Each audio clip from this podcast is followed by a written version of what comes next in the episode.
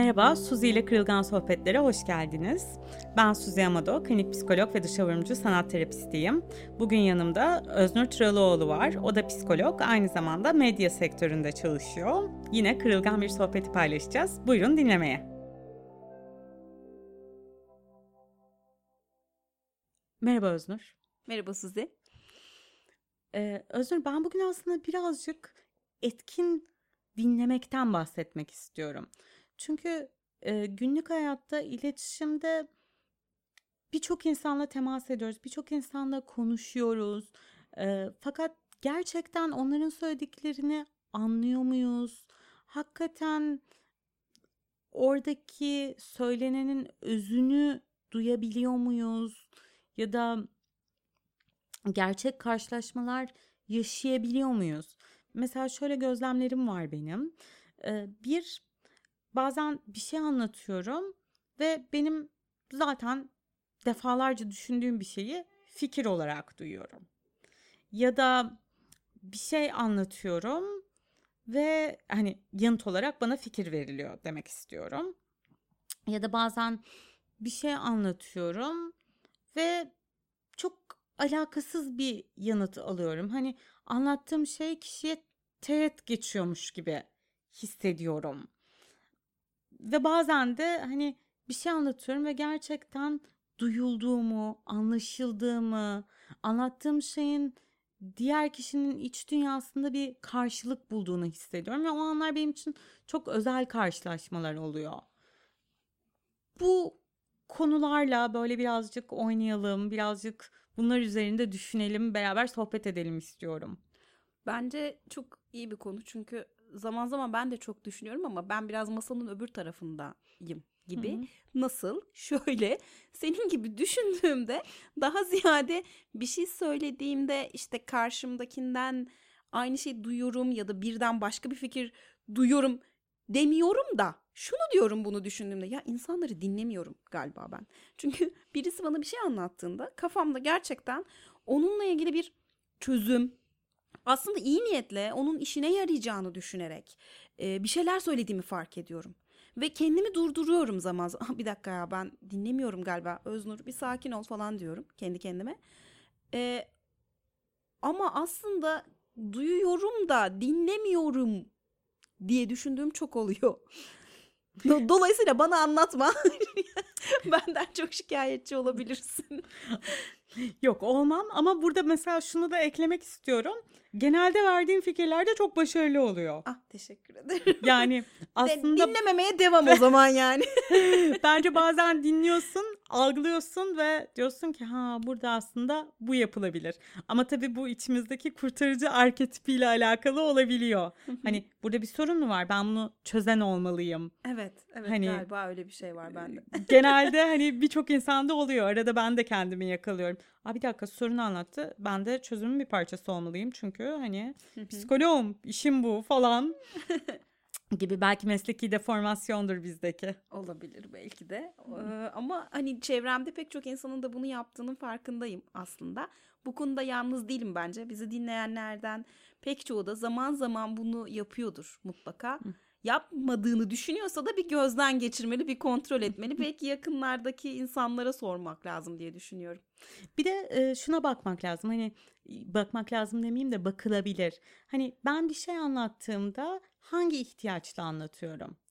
Birçok zaman zorlandığımız bir hayat deneyimi anlattığımızda, işte sevgilimizden ayrıldığımızda, iş yerinde bir sorun yaşıyorsak bunu anlattığımızda, çocuğumuzla bir sıkıntımız varsa bunu paylaştığımızda aslında fikir isteyerek paylaşmıyoruz.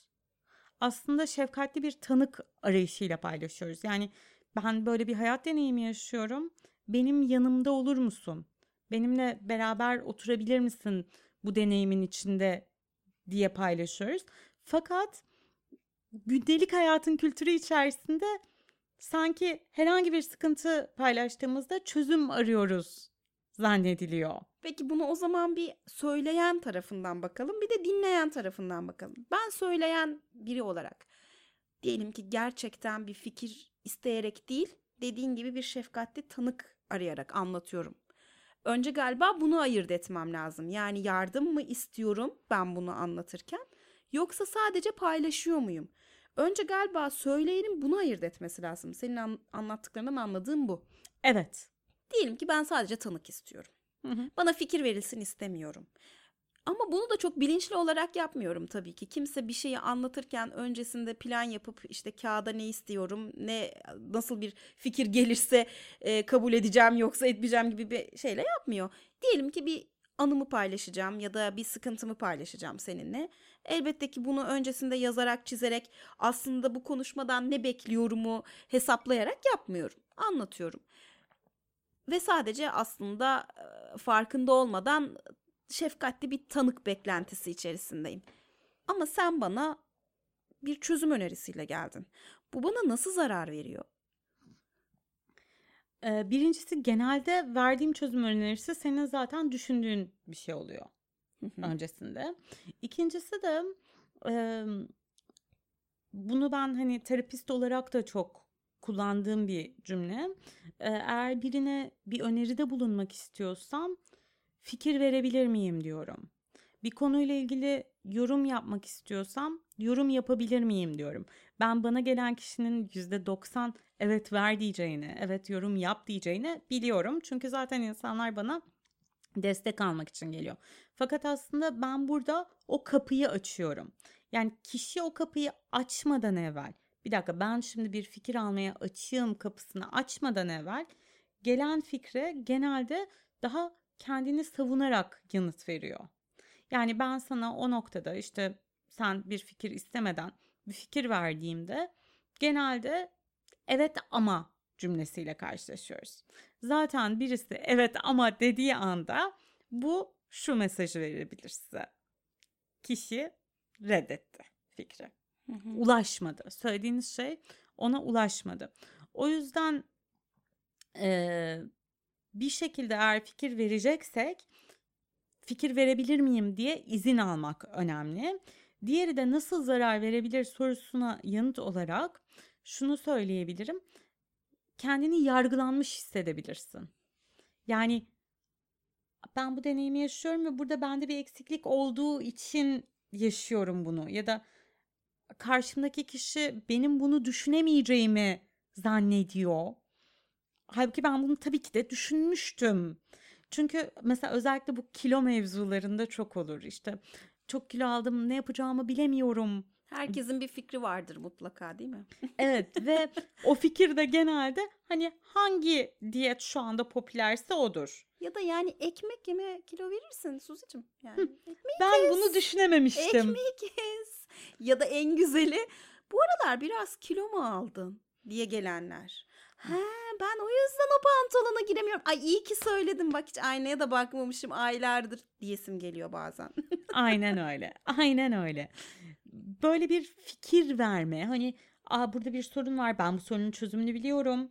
Falan. Hani bu mesajlar özellikle bu tarz konularda çok oluyor. Ya da işte e, çocuk mesela ağlama modunda hani çok ciddi ağlıyor. Ağlama krizi geçiriyor demek istemiyorum. Çünkü bence hani dramatikleştiriyoruz öyle diyerek. Hani çocuk bu tabii ki ağlayacak. Çocuk bu tabii ki e, insanı bir miktar zorlayacak falan. Hani e, gidiyorsun arkadaşına anlatıyorsun işte geçen gün çocukla konuşuyorduk çocuk böyle dedi birdenbire ağlamaya başladı alışveriş merkezinin ortasında ben kendimi çok kötü hissettim falan oradan yanıt geliyor ve şöyle bir şey diyor bu noktada çocuğun duygusunu yakalaman çok önemli. Hay Allah razı olsun. yani burada tabii ki anne kendini son derece yargılanmış hissediyor. En bombası da şey bu çocuk aç aç. Üşüttü mü o? O da olabilir. Üşüttü mü? Aç. Her tür şey olabilir. Peki bunun alternatifi ne? Yani aslında bunu anlatan annenin duymak istediği şey ya da son zamanlarda kilo aldım çok mutsuzum diyen kadının duymaya ihtiyacı olan şey ne? Ne? Aslında yaşadığı deneyimin normal ve insani olduğunu duymaya ihtiyacı oluyor insanın.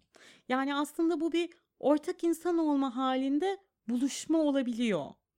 Yani o anne ya evet oluyor böyle durumlar. Çocuklar ağlama krizi geçiriyor ve o an çok zor oluyor ve geçiyor. Ya da o kilo alan insana ya olsun. Ya olsun da kötü oldu şimdi ama e, evet işte bu kilo alma verme durumları çok zorlayıcı olabiliyor gibi. Hani sen zorlanıyorsun ben de senin zorlandığını görüyorum. Sen bu deneyimi yaşıyorsun. Bugün bunu unutmuşsun ya da bugün çocuğun ağlıyor ve bu insani bir şey. Bunu yaşayan başka insanlar da var.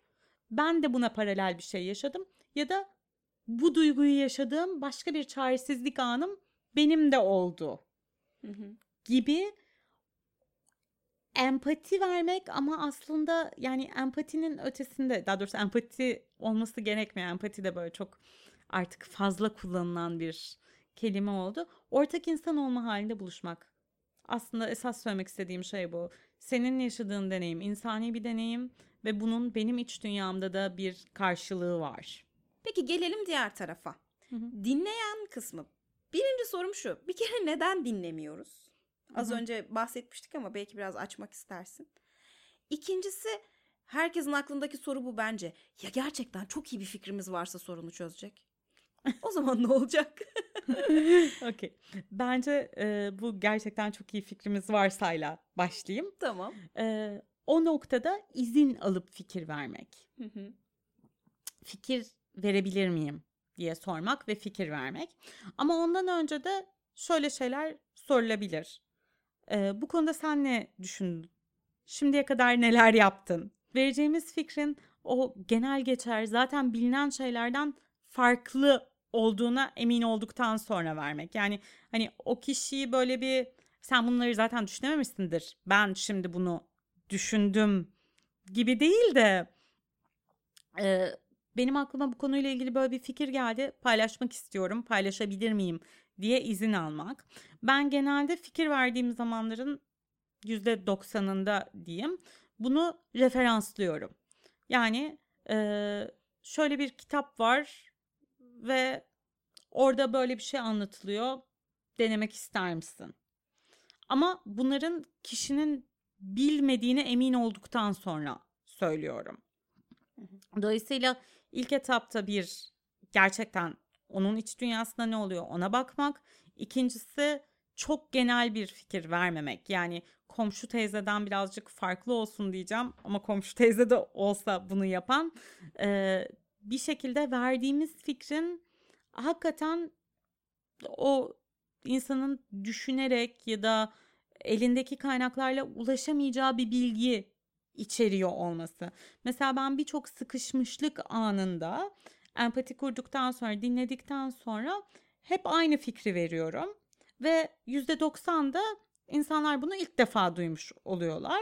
Fikir de şu Julia Cameron yani bunu dinleyicilerimize de vermiş olayım. Eğer hayatta bir şekilde sıkıştığınızı hissediyorsanız işte atıyorum işinizdesinizdir ve başka bir şeyler yapmak istiyorsunuzdur ama ne yapabilirim ki ben diyorsunuzdur. Yaratıcı bir sürecin ortasındasınızdır ve akış bulmakta zorlanıyorsunuzdur. Bir proje yapıyorsunuzdur ve o projeyi tam olarak anlamlandıramıyorsunuzdur. Ya da çocuğunuzla ilişkinizde bir sıkıntı yaşıyorsunuzdur ve bunun üzerinde çok düşünüyorsunuzdur ama çözemiyorsunuzdur. Genelde ben bu tarz durumlar için Julia Cameron'un Sanatçının Yolu kitabını öneriyorum. Birazcık o durumdan çıkıp yani o durumun dinamiğini düşünmekten vazgeçip biraz daha sanat, soyut, e, semboller dünyasında yolculuk yapmaya, biraz daha sanatı etkin kullanarak düşünce akışkanlığını kazanmaya ve farklı yolları sembollerde önce bulup ondan sonra hayata geçirmeyi öneriyorum. Bu birçok insan için çok yeni bir fikir oluyor. Çünkü genelde işte e, iş yeriyle ilgili bir sorun olduğunda mesela artıları ve eksileri sorulur. E, bu ama zaten insanın kendi kendine düşündüğü şey. İşte çocukla ilgili bir şey olduğunda e, bir psiko eğitim verilmeye başlanır. Çocuğun gelişim yaşı böyle olduğu için şunu şunu şunu bekleyebilirsin. Bu noktada şunu yapabilirsin gibisinden. Hı hı. O yüzden birazcık gerçekten alternatif bir önerimiz varsa vermek ve vermeden evvel izin almak. Fikir verme mevzu bu. Hı hı. İlk soruyu tekrar sorar mısın? Niye dinlemiyoruz? Dinlerken ne yapıyoruz ki dinlemiyoruz diyoruz? Dinlerken ne yapıyoruz? Birincisi e, hayatın son zamanlardaki bence akışından dolayı hep o bir şey yapmamız gerekiyor duygusu var. Yani birisi bize bir şey anlatıyorsa onun bizden bir beklentisi var. Böyle zannediyoruz. Yani gerçekten onun anlatmak ve rahatlamak için anlatmak istiyor olabileceğini düşünmüyoruz da anlatıyor o zaman bir çözüm bekliyor. Hı hı. O zaman ben de bunu çözebilecek bir kapasite olduğunu düşünüyorum. Yardım çağrısı gibi mi algılıyoruz yani? Yardım çağrısı bence biraz daha yardım talebi gibi. Hı hı. Hı hı. Hani böyle ben yardım istiyorum değil de bana yardım et gibi algılıyoruz. Ve o yüzden dinlemeye başladığımız anda bizim beynimizde de hani şimdi çocukla tartıştığını söyledi. Çocukla tartışma. Burada ben ne yapıyorum? Bunu bunu bunu yapıyorum. İşte eee, dükkandaki tezgahtara kızdığını söyledi. Burada ne yapıyorum? Bunu kişisel almaması gerektiğini söylemem gerekiyor. Ben böyle rahatlıyorum. Ona da hemen bunu söyleyeceğim. Yani bir şekilde kişinin anlattığı şeyi bir kategoriye sokuyoruz ve o kategoriyle ilgili fikrimize gidiyoruz. Ama o arada kişiyi dinlemeyi bırakıyoruz. Yani sadece artık sesleri duyuyoruz ama o kategoriye gidiyoruz ve diyoruz ki bunun çözümü bu. Burada bunu yap. Ee, benim favorim takma. Hı. Takma. Takma. Olur geçer. Evet. Geçer. neler neler geçmedi ki size. Bu da geçer. Ay yani geçecek hadi aslında geçeceğe geçere saygı duyuyorum ama e, bunun Takma için kafana. üzülme. Hı hı. Bunu kafana takma. Bunu düşünmeyi bırak. tamam o zaman. Tamam ben artık buna üzülmeyeyim. Böyle bir tepki mi bekliyoruz acaba? ha, Evet. Öyle dedin. İyi dedin onu sen ya. Evet evet ben bunu takmayayım. Evet yani kendi Çıt, içimizde Düğmeyi bakıyoruz. kapattım. Artık Evet. takmıyorum sizi rahat ol. İyi ki demişsin bu cümleyi. Evet. Bence bu arada böyle de bir şey var. Bu iyi ki demişsin bu cümleyi dedin ya. Hı hı. Sanki e, birinin değişiminden kredi almaktan da besleniyoruz. Hmm. Yani aslında bu yüzden de bence çok yorum geliyor. yani bizi biraz pohpohluyor. Kendimizle ilgili ne kadar da işe yaradım, Evet. ne kadar da biliyorumu mu pompalıyor. Evet yani mesela bu kilo mevzuunda bu çok oluyor. İnsanlar birazcık zayıflasan iyi olur dedikten sonra şöyle düşünüyorlar. Ben onun zayıflamasına katkıda bulundum. Evet. Yani kafalarında aslında e, iyi bir niyet var. Bu niyetin tabii ne kadarı kendisine yarıyor, ne kadarı karşısındakine yarıyor orası biraz muallak benim anladığım kadarıyla. Aynen. Ama bunu söyleyerek aslında ona ben onun iyiliği için söylüyorum. Kredisini de vermiş oluyor aslında kendisine ona değil de Evet. e, ben onun iyiliği için söylüyorum. Ama işte karşındaki insan bunu zaten fark etmiş olabilir. Fark etmediği bir şeyle geliyorsan başımızın gözümüzün üstüne elbette. Ona da emin değilim. O, da ben emin gidiyorum o değilim. zaman. Ee, şöyle bence gerçekten insanlara ihtiyaçlarının ne olduğunu sormak lazım. Yani birisi size farkındalık kazanmak için bir şey anlatmıyor olabilir. Yani ben rahatlamak için anlatıyor olabilirim. Hı hı. Farkındalık kazanmak için anlatıyor olabilirim. Hı hı, Fikir almak için anlatıyor olabilirim. hı hı. Yani başka şeyleri de vardır. Yardım istemek için anlatıyor olabilirim gibi. Ama burada bir anlatan olarak biraz daha bilinçli olmak önemli. Dolayısıyla ben anlatanları şunu söylemeye davet ediyorum ki kendim de birçok zaman e, arkadaşlarıma bir şey anlatırken bunu söylüyorum. Benim sadece anlatmaya ihtiyacım var. Yani hani fikir verme falan bu moda geçmene lüzum yok. Ben anlatacağım, rahatlayacağım.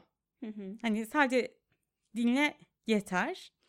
Ee, eğer kişi ben bir şey atlıyorum ve niye atladığımı anlamak istiyorum derse farkındalığını arttıracak bir şey söyleyebilirsiniz. Hı hı. Eğer e, desteğe ihtiyacım var derse destek olunabilir. Ama belki birisi anlattıktan sonra gerçekten hani empati kurarak onu anlamaya çalışarak dinledikten sonra neye ihtiyacın var? Ben sana nasıl destek olabilirim diye sormak bence çok fark yaratıyor. Aklıma şöyle bir şey geldi ama şu anda yaşadığımız dönemi değil, daha eskileri düşünüyorum. İnsanların uzmanlık alanları, bildikleri ve bilmedikleri vardı. Hı hı. Şimdi sosyal medyayla e, işte okuduklarımızla, yazdıklarımızla, çevremizde iletişim kurduğumuz insanlarla, çalışma ortamlarımızla, izlediklerimizle, gördüklerimizle o kadar çok ve genellikle gereksiz bilgiyle donanıyoruz ki karşımızdaki bir şey anlattığında bence beynimizde bir yere mutlaka dokunuyor. Onunla ilgili bir resim görmüş oluyoruz. Sosyal medyada biri bir şey paylaşmış oluyor. Ne bileyim bir şey duymuş oluyoruz. Komşumuz bir şey anlatmış oluyor. E, komşumuzun çocuğuna da aynı şey olmuş oluyor. Mutlaka bir bağlantı kurabiliyoruz. Fazla şey biliyoruz. Tam anlamıyla bilmek de demeyelim de fazla şeyden haberdar oluyoruz bence. Bunun bir etkisi var mı sence karşımızdakine paylaşmak, aktarmak, empoze etmek istediğimiz hani bu da olabilir. Ee, bu kadar fazla şey olmasında bu fazla bilginin bir etkisi var mı sence? Evet var. Tabii o bilginin kalitesi ve niteliği Hı hı. tartışılır. Hı hı. Ee, mesela şundan örnek verebilirim. Ben sosyal medyada biraz daha aktif olmaya çalışıyorum. İşte Instagram'da özellikle e, daha bir iyi kullanmaya çalışıyorum. Ben bunu kime anlatırsam anlatayım. Herkes Instagram kullandığı için Hı hı. herkesin bu konuda bir fikri var. Evet. Birisi diyor ki işte her gün bir şey koymak önemli. Birisi diyor ki içerik önemli. Birisi diyor ki e, story atmak önemli, hikaye atmak önemli. Birisi diyor ki bir şey, birisi diyor ki bir şey. E, Herkes bunun profesörü sanki. Hı hı. Aynı şekilde bazen mesela herkes psikologmuş gibi hissediyorum ben. Hani Evet. bir masada oturuyorum mesela. Birisi işte ben şu ilacı alıyorum diyor. Ben bir psikolog olarak ilaç konusunda genelde yorum yapmıyorum. Hı hı. Hani yaptığım yorum da eğer yorum yaparsam hani diyorum ki bu ilacın etkisi şöyledir ve bir psikiyatriste danışılmadan kesinlikle alınmamalıdır. Hı hı. Ve bir psikiyatriste danışılmadan kesinlikle bırakılmamalıdır. Benim klinik psikolog gözüyle yorumum bu oluyor. Fakat birisi diyor ki mesela işte çok zorlanıyorum falan. Başka birisi diyor ki şu ilacı al. ya da diyor ki o ilacı öyle değil de böyle bırak. Ya da o ilacın etkisi şu. Ya da birisi diyor ki işte eee, ben depresyondayım diyor mesela. Birdenbire herkes depresyon tedavisiyle ilgili bir yorum yapıyor. Ve ben böyle şaşkınlıkla izliyorum. Hı hı. Hani bana sorulmuyor bile. hani o kadar insan dönüp sen ne dersin falan demiyorlar. Ben sessiz kalıyorum. Bunun tabii açıklaması şey yani sen üniversite okumuş olabilirsin ama ben de hayat okulundan mezunum. Aynen öyle. Ya da bende bu deneyim var dolayısıyla daha hakimim falan. Ama bir şekilde bence o kadar çok bilgiye maruz kalmak senin söylediğin gibi hani oradan da bir şey duyuyoruz, buradan da bir şey duyuyoruz, şuradan da bir şey duyuyoruz. Sanki duyduğumuz her şey e, akademik veri ya da doğru bilgi gibi düşünüp bunu şey yapıyoruz. Hemen böyle satıyoruz. evet doğru Evet, kelime bu. satıyoruz. Geçenlerde e, bir arkadaşımın annesi televizyona çıkmış hatta yani bundan bir süre önce ve şey demiş benim demiş kafam karıştı demiş. Bu yumurtayı biz yiyeceğiz mi yemeyeceğiz mi? 3 yıl evvel dünyanın en kötü şeyiydi şimdi dünyanın en iyi şeyi Hı hı. ama işte gezeni var organiği var Kalsiyumu bilmem var. ve işte bebek yumurtası olanı var şusu var busu var ya böyle bir nedir bunun olayı? Hı hı. Hani aslında aa öyle dediğimiz birçok şeyin mantığını ve anlamını Bilmiyoruz. bilmiyoruz. Doğru Bilmeden kabul edip yapıyoruz. satıyoruz yanımızdakine de. Evet ve doğru kabul edip sattığımız zaman bizim için doğru olan şey başka birisi için doğru olmaya da bilir. Bu bir pazarlama tekniği de olabilir. Bu bir pazarlama tekniği de olabilir. Ya da mesela birçok insan e, vejeteryan olmayı öneriyor. Hı hı. Halbuki o kişinin gerçekten daha proteinli bir beslenme programına ihtiyacı olabilir. Araştırmadan, sormadan, danışmadan doktora yapılmayacak şeyler konusunda bile birbirimize çok güzel öneriler verebiliyoruz. Evet veriyoruz ve bunu doğru bilgiymiş gibi veriyoruz. Hı hı. Konudan mı saptık? Bağlayalım. Bağlayalım. Konudan mı saptık derken evet saptık birazcık ama bence aslında temel sorun bu. Yani dinlemeyip ne yapıyoruz diye sordun ya. Dinlemeyip bunu yapıyoruz. Kendi iç bilgi ve veri bankamıza bakıp ben buradan neyi çekip bu kişiye verebilirim diyoruz. Hı hı. Evet. Ve aslında alternatifi bunun kendi duygu bankamıza bakıp bu kişinin anlattığı şey benim içimdeki hangi duyguya denk geliyor deyip o duyguyla temas edip o kişinin yanında olmak sonrasında. Bu zor bir deneyim demek. Bu insani bir şey demek. İnsan hayatında böyle zamanlar olur demek. Fikir istiyorsan beraber çözüm arayalım demek belki. Evet. Ve e, her tür yorumu, fikri, ım, öneriyi izinle, izin alarak vermek. Hı hı. Empati kurmak, gerçekten ortak insan olma halinde buluşmak, temas etmek. Bunlar çok değerli şeyler ve bunlar çok iyileştiren şeyler. O zaman yavaş yavaş kapatalım ya da hızlıca kapatalım. Ee, birazcık dinlemekten, dinlenmekten, kalple dinlemekten bahsettik bugün. Bence çok keyifli bir sohbet oldu ve ben konuşurken kendim de farkında oldum. Bazen nasıl sorun çözmeye yöneldiğimin ve bazen nasıl birinin sadece yanında olabildiğimin ve aslında o sadece yanında olma deneyiminin hem daha kolay hem daha keyifli hem de daha iyileştirici olduğunun. O yüzden bu bir davet. Bir sonraki birisi size bir şey anlattığında sadece onun yanında olmaya niyet edin. Ona fikir verme isteği geldiğinde kendinizi durdurun ve sadece dinleyin ve ben senin yanındayım mesajını verin. Ben senin sorununu çözeceğim değil. Ben sana başka türlü düşünmeyi öğreteceğim değil. Ben seni kurtaracağım değil. Ben senin yanındayım. Senin için buradayım.